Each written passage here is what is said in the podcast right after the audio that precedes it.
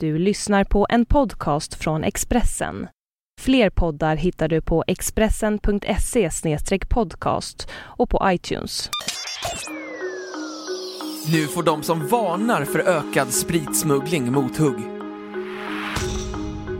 Det här är Expressen Dokument, ett fördjupningsreportage varje dag med mig Johan Bengtsson som idag läser Arne Lapidus text om strid om hur mycket helan går över gränsen.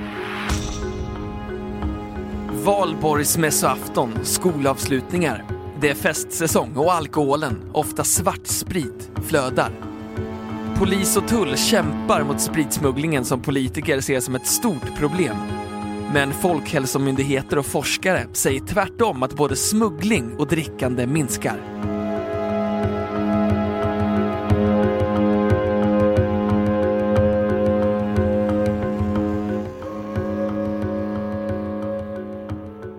Runt 7000 namn i kundregistret, bland dem många barn och ungdomar. Och försäljning av minst 3600 liter. Det är ett par av siffrorna i fallet med den så kallade vodkabilen som levererade svartsprit till tonåringar i Stockholmsområdet. Fem unga personer dömdes nyligen för den illegala försäljningen. Tre av dem fick fängelse i upp till två och ett halvt år. En del av deras kunder var så unga som 12 år de flesta mellan 15 och 17. Liknande affärer med smuggelsprit har avslöjats över hela landet de senaste åren. Från Ystad till Umeå. Och under valborgsfirandet i Stockholm slog polisen till mot ännu en vodkabil. Två män anhölls och mer än 100 liter sprit togs i beslag. Riksdagsman Johan Linander från Centern ser den olagliga alkoholinförseln, handeln och langningen till ungdomar som ett växande problem. Han och två partikamrater kräver nu en statlig utredning som ska klargöra hur stor omfattningen är av den här verksamheten. Släpp prestigen! Bekämpa den illegala handeln med alkohol. Alkoholresorna, illegala sprithandeln och vodkabilen har blivit ett samhällsproblem, lyder rubriken på en debattartikel de har skrivit i Göteborgs-Posten. Jag har varit med på en poliskontroll på Öresundsbron. Man ser ett enormt inflöde, skåpbil efter skåpbil med sprit. Det handlar ofta om kriminella som säljer vidare, säger Johan Lenander, rättspolitisk talesman för Centern och vice ordförande i justitieutskottet. Alkoholen går till garagesystembolag, vodkabilar, organiserade kriminella ligor. Polisen och tullen kan inte ta spriten. Det är oerhört svårt att komma åt. De kommer bara åt det om det är överlast, säger han. Vi kan inte blunda för den här kriminaliteten som pågår varje dag. Det rör sig om höga vinster, låga böter för överlast och inte samma sociala fördömande som i narkotikabrott, säger han. Enligt den så kallade EU-kvoten från 2004 får man föra in 10 liter sprit, 90 liter vin och 110 liter öl för privat bruk. Men polisen och tullen vittnar om att man med lite uppfinningsrikedom kan ta in nästan hur mycket som helst. Det räcker att säga att flaskorna är avsedda för födelsedagskalas, midsommarfirande, föreningsfester, bröllop och andra tillställningar. Vilket är mycket svårt att motbevisa. Jag skulle gärna se en fast gräns för hur mycket man kan ta in. Vi jobbar för att ändra EUs regler. Men det är inte lätt. Jag vill också ha utjämning av skattenivåerna mellan oss och andra länder. Så att spritinförseln inte blir så lönsam, säger Johan Linander. Polisinspektör Håkan Gustafsson, Skånepolisens samordnare i frågor som rör alkoholrelaterade brott, beskriver svårigheten att komma åt spritsmugglingen ännu tydligare. Vi gör inte en chans i världen att klara det. Vi skrapar bara lite på ytan. Antingen måste vi gå ur EU eller sänka alkoholskatten radikalt. Inget av alternativen är politiskt gångbart, säger Håkan Gustafsson. Du kan åka ner till Tyskland och fylla en medelstor van. Allt är förbeställt och står och väntar på pallar i gränshandeln i Puttgarden.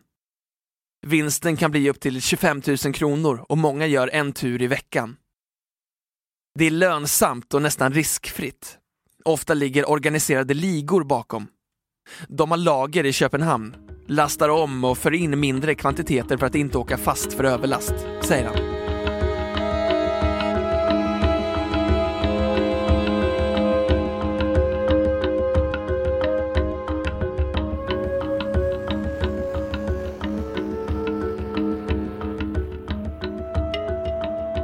Försäljningen av svenskt öl i gränshandeln i Tyskland har ökat med 50% sedan 2007, då man började mäta, enligt de svenska bryggeriernas branschorganisation. Förra året såldes 45 miljoner liter svenskt öl i Tyskland, ungefär en fjärdedel av försäljningen på Systembolaget. Alla experter är eniga om att så gott som samtliga dessa burkar Norrlandsguld och andra sorter snabbt kommer tillbaka till Sverige efter utflykten till kontinenten. Tullen beslagtar idag runt 10% av den mängd alkohol man tog som mest innan införselreglerna liberaliserades 2004. Som mest tog vi 605 000 liter år 2000. Efter 2004 var vi ungefär 70 000 liter om året.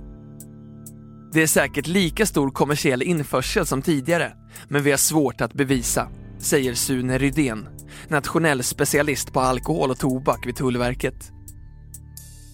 Det är ett konstant flöde av smuggling. Vi gör mindre beslag, men mer kommer ut till försäljning. Det var mycket enklare att jobba förr, när det fanns gränser för hur mycket man fick föra in, säger han. Medan tullen och polisen är eniga om att smugglingen åtminstone inte minskar visar statistik från Centrum för socialvetenskaplig alkohol och drogforskning vid Stockholms universitet att handel med smuggelsprit faktiskt går ner. Riksdagsman Johan Linander vill därför ha en rejäl utredning för att få en enhetlig bild av införseln. Undersökningar visar att mängden inköpt smuggelalkohol har gått ner från 0,78 liter ren alkohol per person 2009 till 0,37 liter 2011. Eftersom totalkonsumtionen alkohol per person är 9,4 liter utgör smugglandet en liten del säger Pi Högberg, enhetschef på Folkhälsoinstitutet. De källor vi har bedömer jag som mest trovärdiga som finns att tillgå idag. Jag tror att det blir svårt att komma närmare sanningen med en utredning. Men om en utredning kan bidra till att vi får vetenskapligt grundade förslag från regeringen på åtgärder mot smugglingen så är det positivt. Den totala konsumtionen alkohol sjunker, också hos ungdomar. Men medan ungdomar dricker allt mindre finns det en liten grupp som dricker mer. Det syns i sjukvårdsstatistiken, säger hon. Docent Mats Ramstedt vid alkohol och drogforskningsprojektet STAD är inne på samma linje. Införseln av alkohol gick upp fram till 2004. Sen har siffrorna sjunkit tillbaka.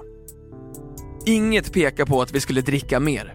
Färre personer tar in och köper smugglad alkohol. Jag förstår inte vitsen med en ny utredning, säger Mats Ramstedt. Det rör sig fortfarande om enorma mängder införd sprit. Cirka 20% av all försäljning är införsel, 16% laglig och 4% smuggling. Det är en tredjedel av allt som säljs på systemet, säger han. Också Håkan Leifman, direktör på Centralförbundet för alkohol och narkotikaupplysning, säger att både införsel och totalförbrukning av alkohol går ner.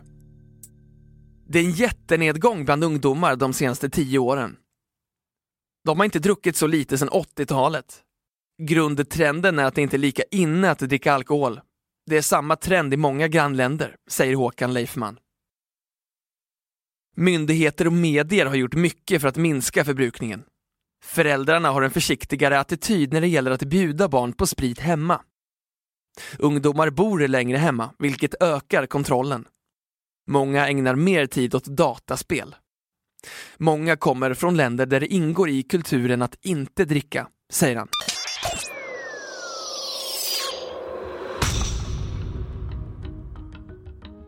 Du har hört Expressen Dokument, ett fördjupningsreportage om striden om hur mycket helan går över gränsen av Arne Lapidus, som jag, Johan Bengtsson, har läst upp.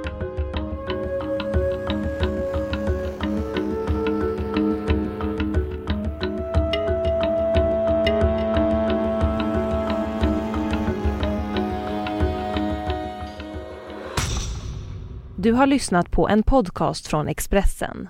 Ansvarig utgivare är Thomas Mattsson. Fler poddar finns på Expressen.se och på iTunes. Ett poddtips från Podplay. I fallen jag aldrig glömmer djupdyker Hasse Aro i arbetet bakom några av Sveriges mest uppseendeväckande brottsutredningar.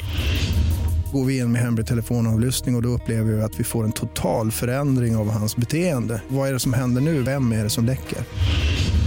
Och så säger han att jag är kriminell, jag har varit kriminell i hela mitt liv men att mörda ett barn, där går min gräns.